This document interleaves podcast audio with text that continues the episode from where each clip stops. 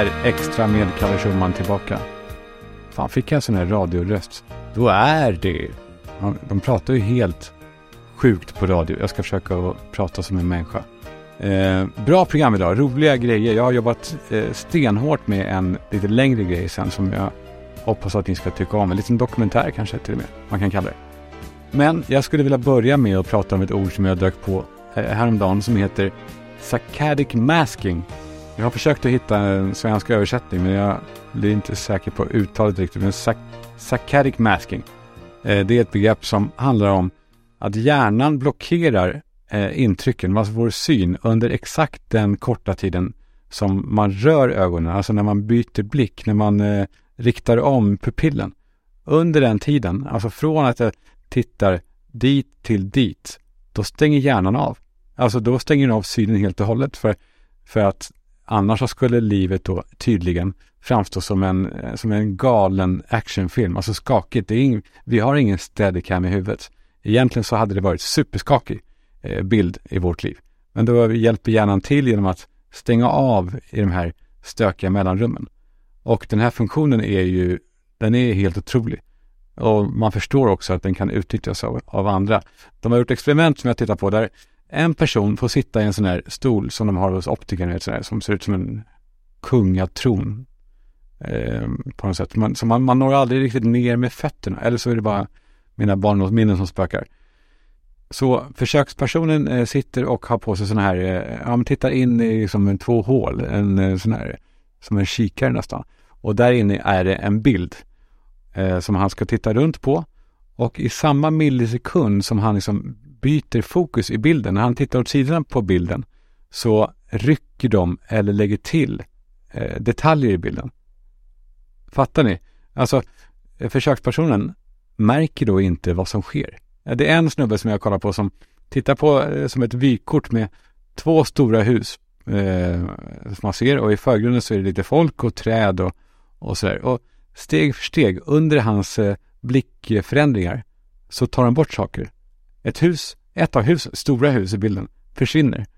Och ett annat hus, eh, det andra huset då, kapades av och man la till en man på cykel i förgrunden. De byt, bytte färg eh, på ett staket. Och försökspersonen märkte ingenting. Och för honom själv så tittar han på bilden hela tiden. Och hans hjärna som vill hjälpa honom lurar honom alltså istället. Hur lurar, hur lurar den honom då? jo, den vill bara hjälpa till och, och registrera då inte förändringarna utan lita på den senaste bilden som man ser. Den tar det som sanning.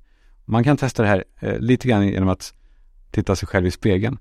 Så först tittar man på sitt vänstra öga och sen på sitt högra öga. Man ser aldrig sina ögon röra sig. Eller hur? För de här millisekunderna så är hjärnan avstängd, blockerad för synintryck.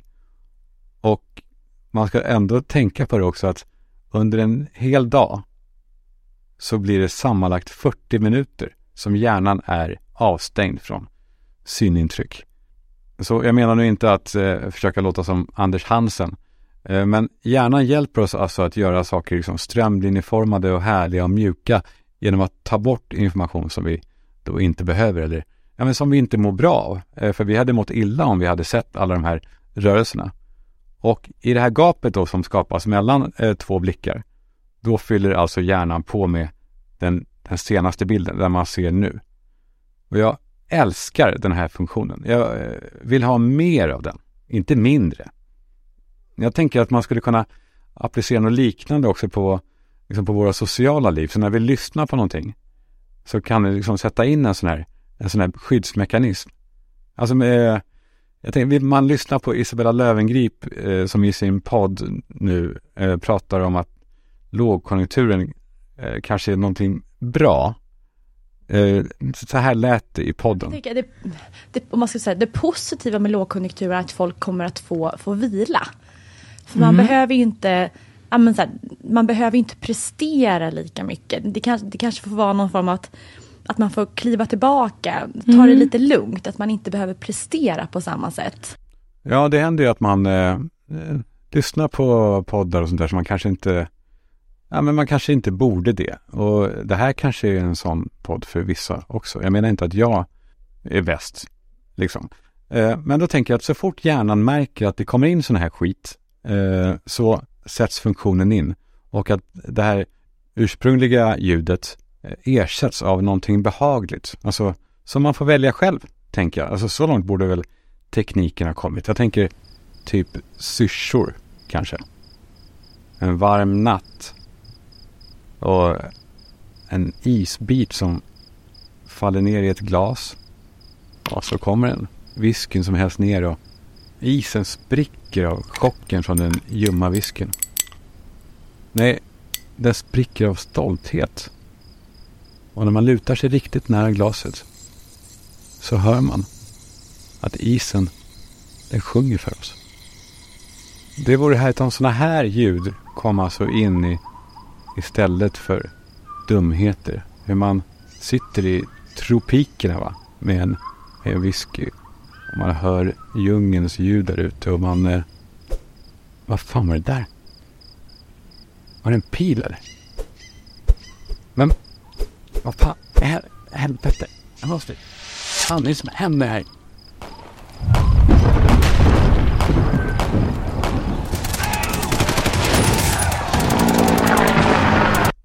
Sorry, det var jag som fastnade lite på freesounds.org eller vad det heter. Eh, nej, tillbaka till den här eh, rimliga, rimliga påhittade grejen nu då. Eh, med social saccadic masking. Eh, så här skulle det alltså låta då om man då eh, lyssnar på Isabellas podd igen, men med den här nya funktionen igen. Det positiva med lågkonjunktur är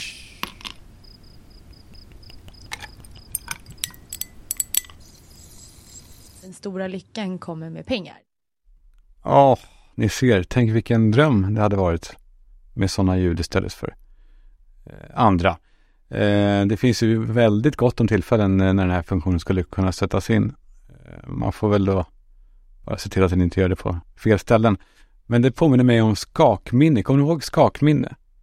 Man hade det på sina bärbara CD-spelare. Nu vet jag inte hur gammal du är som lyssnar just nu. Men jag hade en CD-spelare som var bärbar som var som en jävla rund platt fralla. Eller fralla. Som en, eh, som en eh, handboll med punka kan man säga. I fickan. Och man kunde ha den i tio sekunder eh, skakminne då. Man kunde gå med den i tio sekunder. Och sen började den hacka. För sen var man tvungen att sitta ner. Men det var, det var ändå jävla fin tid ändå. Alltså, fan vad man uppskattade teknikens framsteg. Man skröt. Tio sekunder skakminne, wow. Och då har du skakminne. Eller så här klockor som var vattentäta till så här 100 meter. Jag kan, jag kan dyka 100 meter ner med min klocka. Eh, det är lite grann samma sak fortfarande. Med vattentäta grejer. Killar älskar det. Eh, nej, okej, okay, hörni, nu ska vi eh, vidare med eh, mitt lilla, mitt lilla gräv.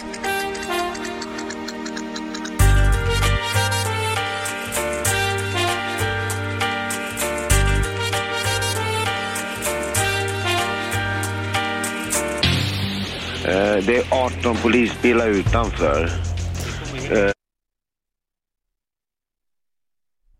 Flygresan som Nej, fan. Det är dumt. Jag ska inte tramsa med sånt här, för då framstår det kanske som att ja, Kalle larvar sig igen. Eh, för jag gör faktiskt inte det. Jag, jag trillade över en händelse som har, nej men den har upptagit rätt många av mina senaste dagar. En händelse som, ja men det är nästan ingen som pratar om den, för att den, jag vet inte, den kanske är för stor eller för liten eller, alltså jag har i alla fall varit, ja men typ besatt och jag ska berätta om det här alldeles strax.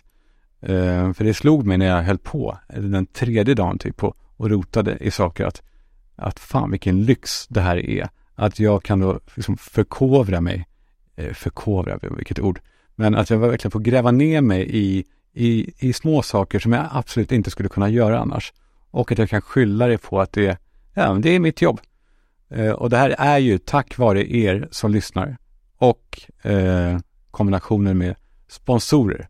Det är ni som ger mig tiden och möjligheten och jag är tacksam på riktigt. Så låt mig tacka eh, Bokadirekt.se, det är min trognaste sponsor. Och jag hoppas verkligen, och jag talar från hjärtat nu, att ni som lyssnar eh, på det här ta mig på orden och, och boka era behandlingar via dem nästa gång. Eh, för det finns ju faktiskt bara fördelar. Jag har jobbat med reklam länge och ibland så har man bekymret att man ska hitta argument eh, som inte finns för en produkt eller ett företag. Man ska liksom eh, sminka grisen. Men med bokadirekt.se så behövs inte det. Man behöver inte sminka grisjäveln. Man bokar allt inom skönhet och hälsa, inte sen, utan direkt. Boka direkt.se.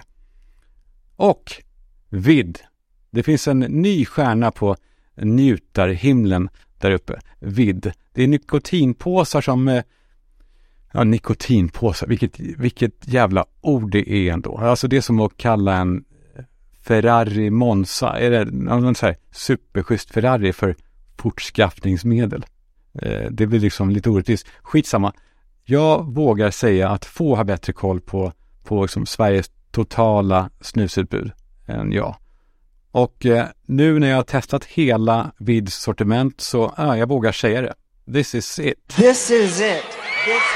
Så jag vänder på det. Testa att inte bli sugen på smaken av Racing Raspberry, Vanilla Pear, Violet Velvet, Arctic Blast.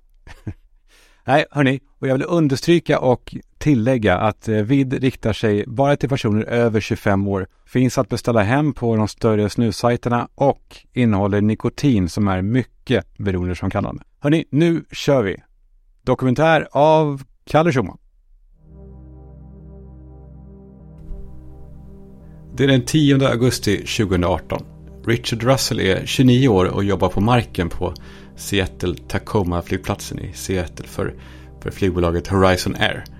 Och han kommer till jobbet och allt är som vanligt. Han eh, boxerar flygplan och, och, gör det han ska. Så vid 19-tiden så börjar han eh, agera lite annorlunda. Det har kommit in ett plan, en, en eh, Bombardier Q400. Det är ett plan med 76 platser på 20 stolsrader.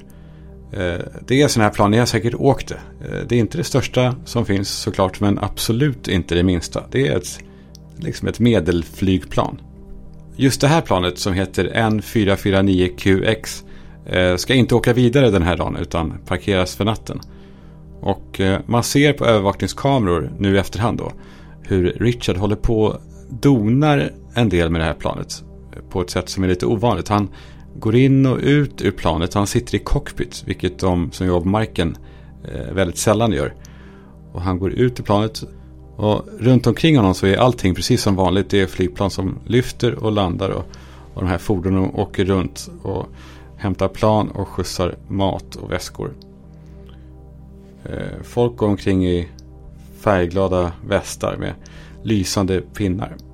Och mitt i allt det här så står Richard Russell helt still och verkar vara på väg att ta något sorts beslut. Och allt går ganska fort nu. Han sätter sig i bilen och baxar planet till en öppen yta och kopplar bort det här dragfordonet som han sitter i och kör iväg det. Men det tomma planet då, det börjar rulla framåt av sig självt och, och Richard ser det och springer fram och lyckas dra ner den här dörren då som också är en stege och han hoppar in smidigt som en ninja in i planet och drar upp eh, dörren efter sig. Och vi ser alldeles strax hur propellrarna börjar snurra. Och den här ljudtrafiken över radion på flygplatsen den är liksom helt normal. Ni vet hur det låter sådana här oerhört tajta, nästan, de är nästan blaséartade i konversationerna mellan tornet och olika flygplan där alla följer protokollet. Men så ser man i tornet att det står ett plan där ute som sticker ut från mängden. Who's the aircraft on runway 16 center? Seattle ground, uh, Horizon guy, um, about to take off. It's gonna be crazy. Horizon Guy har presenterat sig, men ingen svarar ändå. Seattle ramp, Horizon Air 2627, ready taxi. Horizon 26, 27 contact ground. Got a ground. Horizon 26, 27, good day. Hey, uh, Horizon Ground, you on? Seattle Ground, I mean. Nu blir Tone lite irriterad i tornet.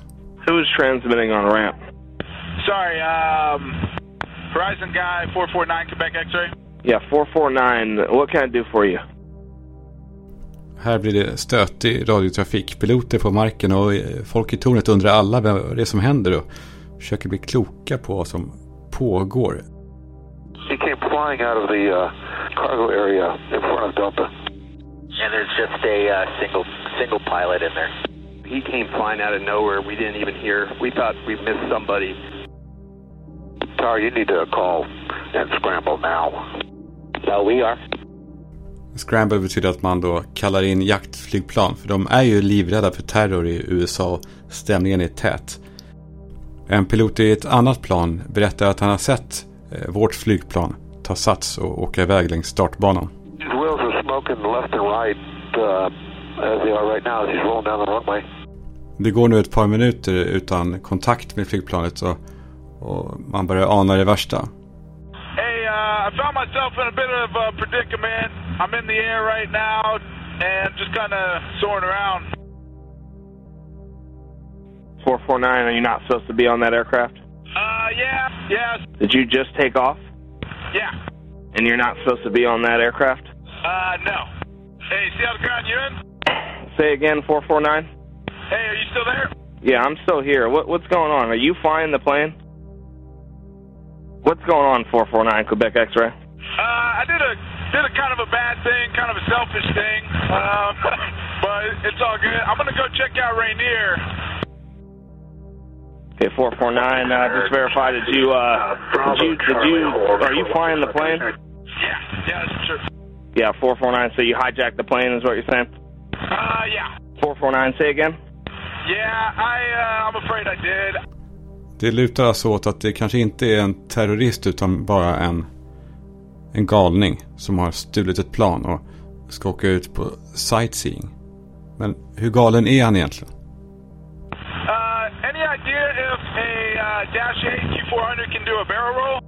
En barrel roll är alltså när man åker i full fart och tippar planet liksom åt sidan, åker upp och ner och sen vänder åt andra hållet. Alltså det är ett superavancerat eh, sportflygplanstrick. Ingen gör det och särskilt inte med ett trafikflygplan. Eh, för det går inte. Planen är inte gjorda för det och det, är, eh, det, det har aldrig gjorts. Liksom. Det är omöjligt. Ingen gör det. Det är kanske därför man i tornet inte ens svarar på frågan om det går. Right, 070. Approach welcome, final runway 16 right. Welcome. Man, I'm a ground service agent. I don't know what that is. Clear to Portland, Seattle 6 is filed at 7017. Yes, this is your 416 right, uh, find the run. Started up, get it to go. Uh, a couple hours, I guess. But um, yeah, I wouldn't know how to land it. I wasn't really planning on landing it. Alrighty. Um, yeah, I just kind of want to do a couple maneuvers, see what it can do before I put her down. You know. Det är alltså så att eh, han ska ut och åka lite. Han ska göra lite tricks och åka på sightseeing. Och man förstår att det här kanske inte är en helt förutsägbar person i tornet. Och de vill kolla att de har alla fakta. Men Richard, han måste kräkas. I'm sorry, say that again. Sorry, uh, my mic came, came off. I threw up a little bit. Uh, you know, I, uh, hold on. Ah, shoot. Man, I'm sorry about this. I hope this doesn't ruin your day. 22 cross rail 6 left contact. Just flying the plane around, you seem comfortable with that? Oh, hell yeah, it's a blast, man. I played video games before, so I, uh, you know, I know what I'm doing a little bit. Okay, and uh, and you can see all the terrain around you. Uh, you've got no issue with visibility or anything? Nah, everything's peachy, peachy clean. Just did a little circle around Rainier. It's beautiful. Um, I think I got some gas to go check out uh, the Olympics. And uh, yeah, Okay, and uh, Rich, do you know, uh, are you able to tell what altitude you're at?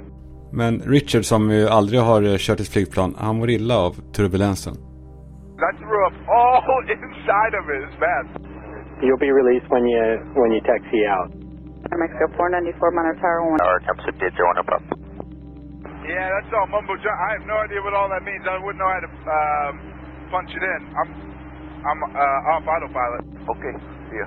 Make a right turn on Bravo. 5,500. Get me to the jets. No, I'm not taking you to any jets. I'm actually keeping you away from aircraft that are trying to land at SeaTac. Oh, okay, yeah, yeah. I don't want to screw with that. I'm glad, uh, glad you're not, uh, you know, screwing up everyone else's day. On account of me. All the traffic in front of you, make sure they chain up around onto uh, Alpha. We're going to keep people clear this runway first. 446, can we just shut down? I'm, uh, I'm down to 2100. I started like 30 something. 100 pounds of fuel. Rich, you said you're at uh, 2,100 pounds of fuel left? Yeah, uh, I don't know what the burn burn edge burnout is like on uh, uh, on takeoff, but uh, yeah, it burned quite a bit faster than I expected. There is the uh, the runway just off your right side in about a mile. Do you see that? That's the uh, that's the uh, that's McCord uh, Field. Oh man, those guys would rough me up if I uh, tried landing there. I think I, I think I might mess something up there too. I wouldn't want to do that. Uh, hopefully, oh, they probably got anti-aircraft. No, they don't have any of that stuff. Uh, we we're just trying to find a place for you to land safely. Yeah, not quite ready to bring it down just yet, but holy smokes, I gotta, I gotta stop looking at the fuel because it's going down quick. Richard har nu sällskap av också två jaktplan som eskorterar honom. Och piloten i ett av jaktplanen får kontakt med Richard och försöker hjälpa honom med ett bränsleproblem som blir mer och mer akut för varje minut som går. Okay, Rich, uh, if you could, if, could you start a left-hand turn, and uh, we'll we'll take you down to the uh, southeast, please. This is probably uh, like jail time for life, huh? I, I mean, I would hope it is for a guy like me. Well, Rich, we're not we're not going to worry or think about that, but could you start a left-hand turn, please? That'd be better than uh, trying to land it. Like I know how to put the landing gear down. Put your uh, your power at probably 50%. That'd be the two top gauges right in the center on that glass uh, display there. And then press, uh, well, tell me, uh, do your power at 50% or tell me what you got. Yeah, I got it like flight idle. Well, that's too slow. Bring it up to like 50. Their side on the bottom it says HDG and it's got a little blue uh, M on it. You can crank that around and uh,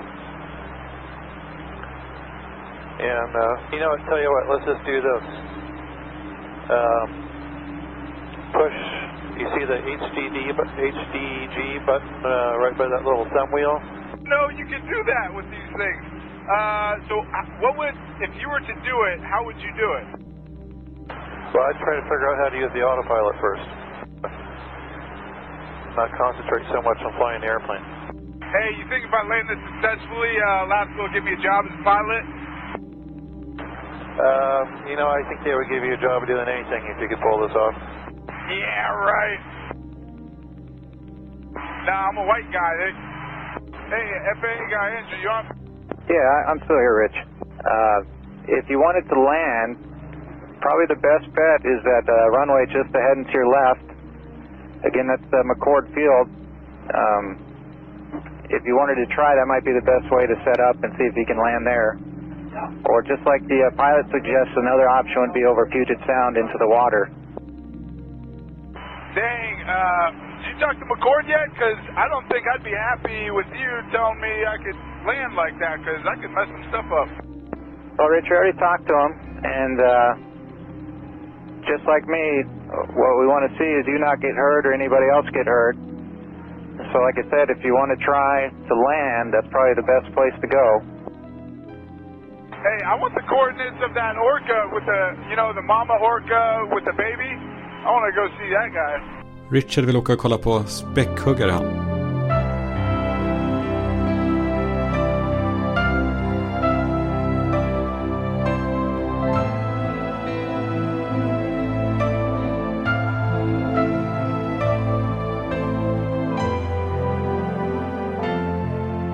Rich. Well, first of all, we, we just need you to keep flying the aircraft. So if you could just stay there and keep flying the aircraft. The air, the uh, the airport you just passed over on your left. That's the uh, Tacoma Narrows Airport. I mean, that's also an option if you wanted to try going there. But uh, like I said earlier, McCord, that's a, that's a bigger runway if you wanted to try to land there. I want to know uh, what this weather's going to be like in the Olympics. Well, if you can see the Olympics, the weather's good. I can see the Olympics through my window, and it looks pretty good over there. All right, because I, I hit some, uh, felt like turbulence around right near, but there was no clouds hardly. Oh, that's just the uh, the wind blowing over all the bumpy surfaces there. Oh, copy that. Yeah, but Rich, if you could, uh, maybe start a left-hand turn, start turning back around, because if you get too close to the Olympics, uh, you won't be able to hear us anymore. Just want to keep talking to you, and if you keep going towards the Olympic Mountains, we won't, won't be able to hear each other.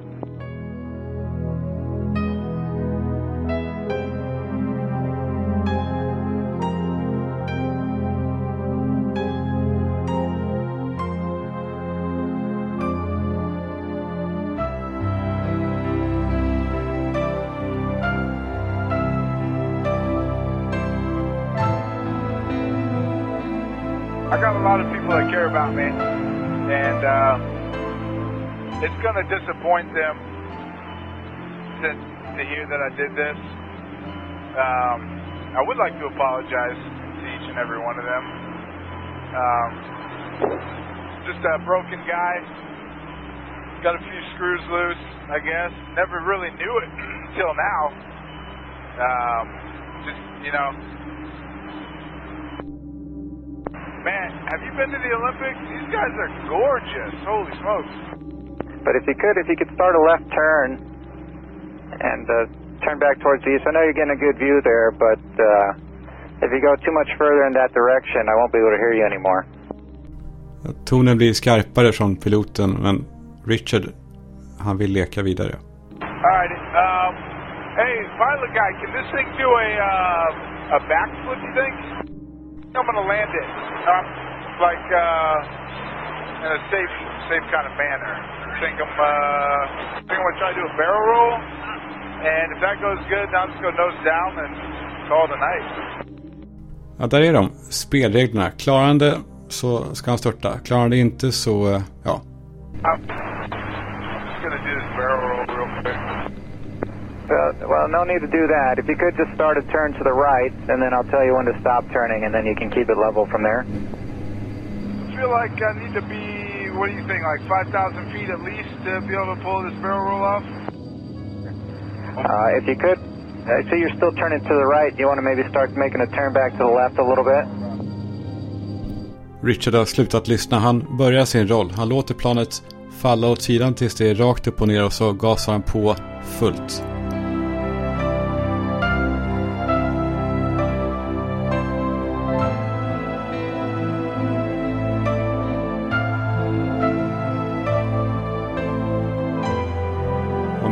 10 meters marginal till vattenytan så stiger planet igen.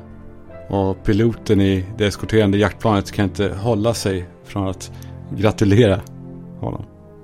All right, Rich. This is Captain Bill. Congratulations, you uh, did that. Now let's uh, let's try to land that airplane safely and not hurt anybody on the ground. All right. Ah, damn it. I don't know, man. I don't know. I don't want to. I was kind of hoping that was going to be it, you know? Do you have an idea of how much fuel you have left? Oh, man, not enough. Not enough to get by. Uh, like uh, 760. Richard flyger nu lugnt och stilla på en hög höjd och har tid för lite kontemplation och eftertanke. You know, the sights went by so fast, too. I was thinking, like, I'm going to have this moment of serenity, you know, I'll be able to take all, in all the sights. Uh, there's a lot of pretty stuff, but um, Att allting är vackrare i en annan kontext. Det är det sista han säger innan han vänder nosen neråt och störtar rakt mot marken.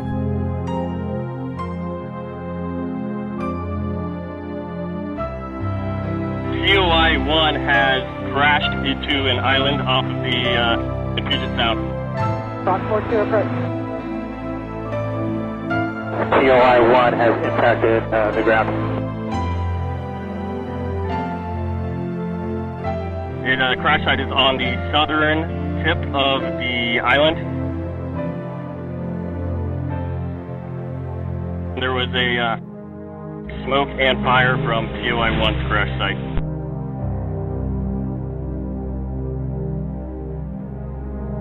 Men det finns någonting i den här historien. Inte bara att den är fascinerande utan Richard. Har vi inte alla en Richard i oss? Någon som låter saker gå för långt ibland. Och, ja, så långt att det inte finns någon utväg. Så långt att man till och med kan lyfta med ett flygplan som man inte ens vet hur man ska landa. Eh, för att i alla efterforskningar som han gjort i, i efterhand om varför han gjorde det så kom det aldrig fram någon riktig förklaring. Han var en lycklig man.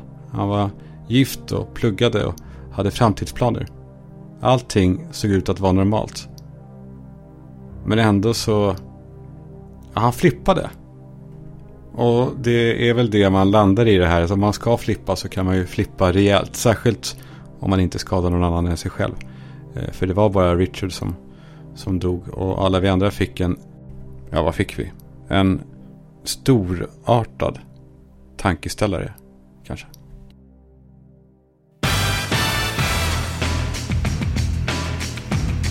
Jag vill tillägga att om någon av er som lyssnar själva eller någon ni känner kanske leker med tanken på att göra någonting förhastat så ta hjälp, för det finns hjälp. Hög tid för eh, plus.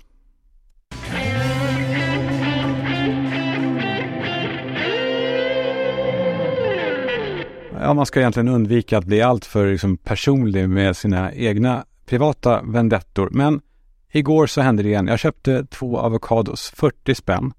Jag eh, gör mina svarta bönor, jag skär koriander, hackar lök och häller upp majs och eh, sån här ost i påse. Tex-Mex ost. Visst fan är det samma sak i alla de där ostarna, pizzaost och Tex-Mex och gratäng. Skitsamma. Det handlar inte om det.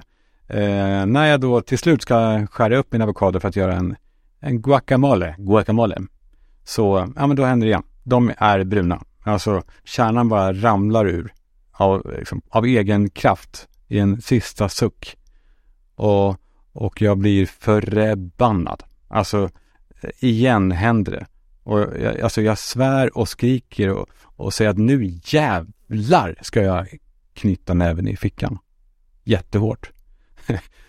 ja, jag skrev om det här på Instagram och folk hör av sig och säger ja men nu man kan ta loss uh, eh, uh, eh, piggen. Uh, för då eh, ser man vad det är och alla säger olika saker. Är det brunt så är den dålig. Är det brunt så är det bra. Är det vitt så är det dåligt eller bra. Eller inte, eller bra.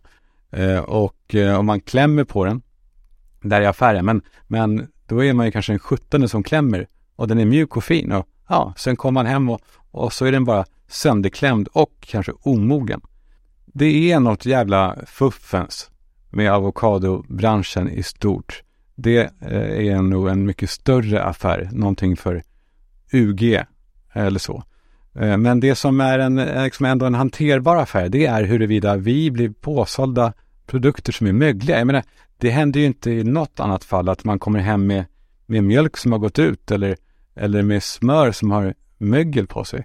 Men med avokado så har det blivit någon jävla tradition. Att det, det är lite sport, det är lite spänning, man vet aldrig hur det ska gå. Och jag tänker inte finna mig det här längre. Visst är det så, ja, man kan gå ner med den och byta ut den och gå hem igen. Men ofta är det ju så, särskilt med kanske just avokadon, att den görs just i slutet för man vill att den ska vara fräsch. Fräsch! Eh, till, till måltiden. Så, eh, jag köpte just mina då avokados på ICA och jag har varit i kontakt med, med huvudkontoret som eh, gärna bollar vidare till Viktor Rönn på ICA Brottbyhallen. Hallå Viktor, vad fan händer? Så avokado är ju vetenskap. Det får vi någonstans, någonstans tyvärr konstatera. De plockas ju omogna på andra sidan jordklotet och sen ska de vara perfekt mogna och mogna under en båtresa. Det är, det är svårt med avokado. Det är, det, är, det är där vi har, det är där grundproblematiken ligger. Men avokadon är ju, är, är lurig på så sätt med att eh, det är ofta när det kommer hem till folk som man ser att den inte kommer hem. Eh, ja, det är jävligt irriterande. Man får, det blir ju så smörkertal och sen blir det middag som inte blir som man tänkte sig. Och det, ja, men dålig avokado är ju liksom någonstans eh, handlarnas och kundernas gemensamma fiende. Ja, exakt. Det är intressant här. Mörkertal blir ju ändå bokstavligt talat nästan i, i det här fallet. Folk blir så mörka i sinnet. Däribland jag själv. Nu håller jag, nu håller jag humöret uppe för det, det är härligt att ni, eh, att ni eh, svarar. Det, men det jag frågar, alltså det är, då är det, är inte med flit ni gör det här. Det är ingen luring alltså. När man driver butik så finns det en sak man lever på och det är att göra sina kunder nöjda. Så att när en kund blir missnöjd, då, då, då är jag missnöjd också. Eh, sen kan det vara mitt fel och inte mitt fel av olika anledningar. Och det är ju, I butiken så försöker vi, vi, ju, alltså vi, ibland får vi ju en laddning till butiken som är tokgröna avokados. Och lägger vi ut dem i butiken direkt så då har de ju lång tid på sig att bli klämda. För det är ju en utmaning i det att man, man klämmer ofta på avokadon i butik. Och eh, är man inte sugen på den så får den som faktiskt bestämmer sig för att köpa den sen en dålig avokado. Så vi kan ju liksom minska det här problemet som konsumenter. För även om jag är ICA-handlare så är jag ju konsument också. Att eh, Kläm inte på avokadon i butik så blir det fler avokador som blir, som blir bra i slutändan. Jag skrev om det här på min Instagram när jag kom hem och ja, jag, jag svor. Men det var, också, det var ju sådana här färdig, färdiginpackade där det står också så här ready to eat eh, Som man eh, betalar extra för känns det som. Jag tror det gör man väl. Det är ofta en lite högre prissättning på de som, ja, mogen avokado är det det står på våra. Eh, Då skrev folk till mig att ja, men du vet väl om att det finns en, en garanti. Ja, men det är ju en hel del butiker som jobbar med en färskvarugaranti. Där, det är, där man kan få 200% tillbaka. Just i min butik så gör vi ju inte det. Vi har valt det för att det, det kan bli att det utnyttjas och sen det här med att gå tillbaka till en butik med varor. Det är ju olika hur bekväm man känner sig med det. Alltså, många gör ju det direkt och jag tycker att det är bra när man kommer tillbaka med det för då får vi någonting att lära oss av. Men många tycker att det är liksom så här, nej men, ja, att, det, att det är jobbigt att komma och gnälla. Eh, och då blir det ju, då blir ju de, som, de som tycker att det är jobbigt, de får ju aldrig någon vettig kompensation. De blir bara besvikna. Exakt, så jag tror att eh, utifrån konsumenternas perspektiv så tror jag att känslan man vill åt är att, eh, eh att det är bra om ICAn får veta det här och att det kostar dem nästan. Förstår du vad jag menar? Att man nästan vill säga, ja nu kostar det för dem. För det är inte kul för er. Jag förstår att det är en bestraffning att om en kund är missnöjd, det, är inte, det gillar ni ju inte. Men kunden vill nog också känna att, att, eh, att det här var jobbigt för butiken. Att det, att det straffar sig liksom.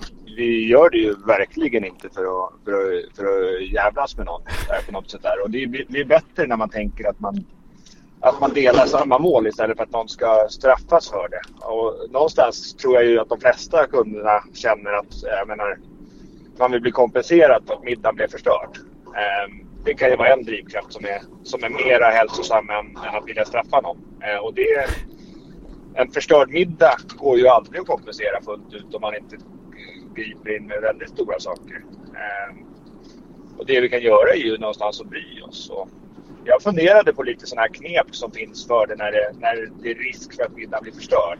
Eh, och där finns ju på avokado ett bra hjälpmedel i form av att vi på ICA liksom andra har ju fryst avokado. Så man skulle kunna ha en laddning som, som backup i frysen hemma. De kan man ju tina snabbt under, under vatten. En sista fråga om något helt annat. Eh, ibland när man är på ICA så ser man att det är små, små klistermärken på choklad och kaffe ibland och så där det står stöldmärkt. Vad betyder stöldmärkt? Vad är det?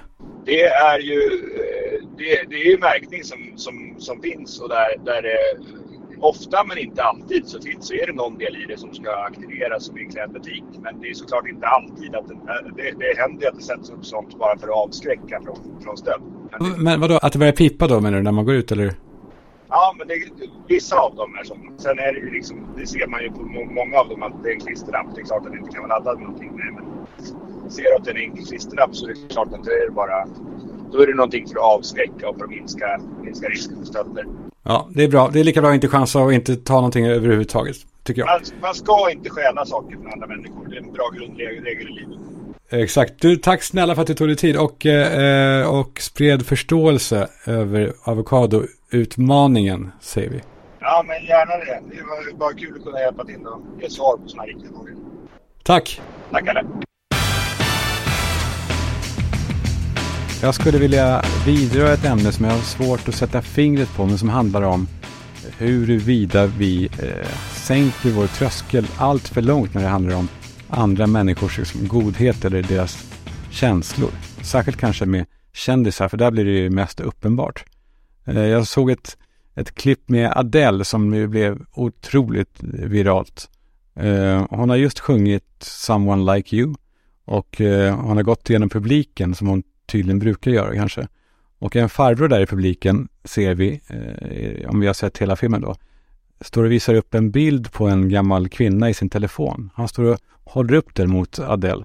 Och Adele tittar mot honom och, och ler och, och gör någon vinkning och sjunger vidare. Och sen när hon har sjungit klart låten, då går hon upp på scen igen och då händer någonting. Hon är liksom överväldigad. Eh, så här lät det. I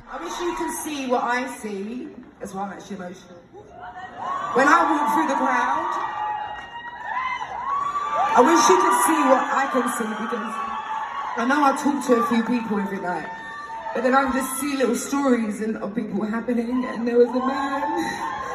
He's just there. Can you see him holding his phone up? I think that's his wife on his phone, and I don't think she's here. And it just really moved me. And it looks like you're on your own. And I just, I'm so, so sorry. I'm so sorry for your loss. And I'm so sorry I didn't realise what you were showing me until I was already over there. Och jag såg det här klippet och grät. Det är inte ofta man gör det längre kanske, att man, man faktiskt gråter och det kommer tårar. Eller man och man. Nu är jag väl en sån här snubbe då. Och så skickade jag det här klippet till brorsan som inte var imponerad överhuvudtaget. Han sa det där är bara planerat. Det där är en act, det där är förberett. Jag tror inte det. Jag tror att det var äkta.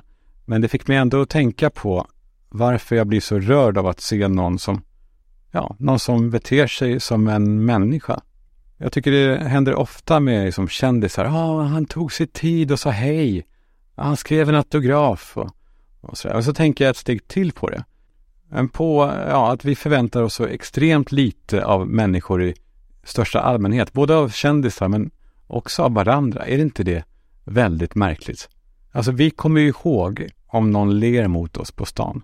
Och vi berättar om det. Och, och det är ju fint. Alltså det är ju verkligen en härlig grej.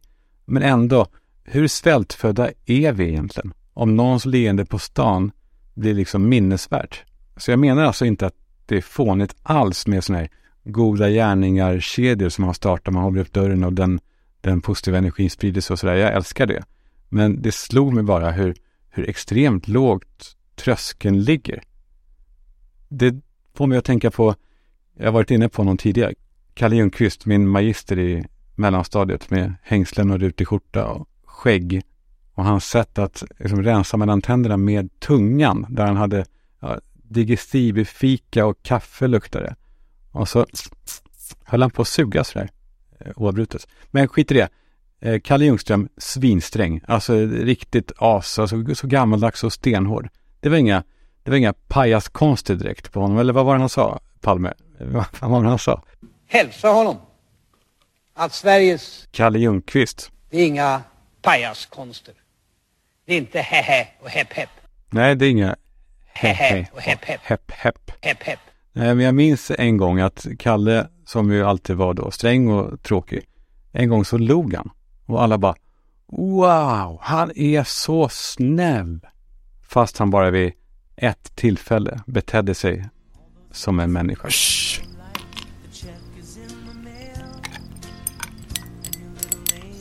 Det var veckans extra med Kalle Schumann. Jag är verkligen... Eh, fan, det är svårt att säga sådana här saker. Alltså, apropå liksom att vara människa och, och vara rädd att inte bli liksom, allvarligt uppfattad. Jag vill säga att jag är så glad att jag får tillfället att göra den här podden med er. Eh, och så, Ja, fan. Eh, jag behöver inte vara ängslig. Det är jag som kör bussen. Det är jag som bestämmer här. Okej okay, hörni, eh, tack för att ni lyssnade. Sprid gärna ordet, det, det betyder verkligen mycket. För ju fler som lyssnar desto hårdare kan jag faktiskt jobba med det. Det här, med den här kreativa resan som ingen vet vad fan den ska sluta. Ta hand om er där ute. Puss!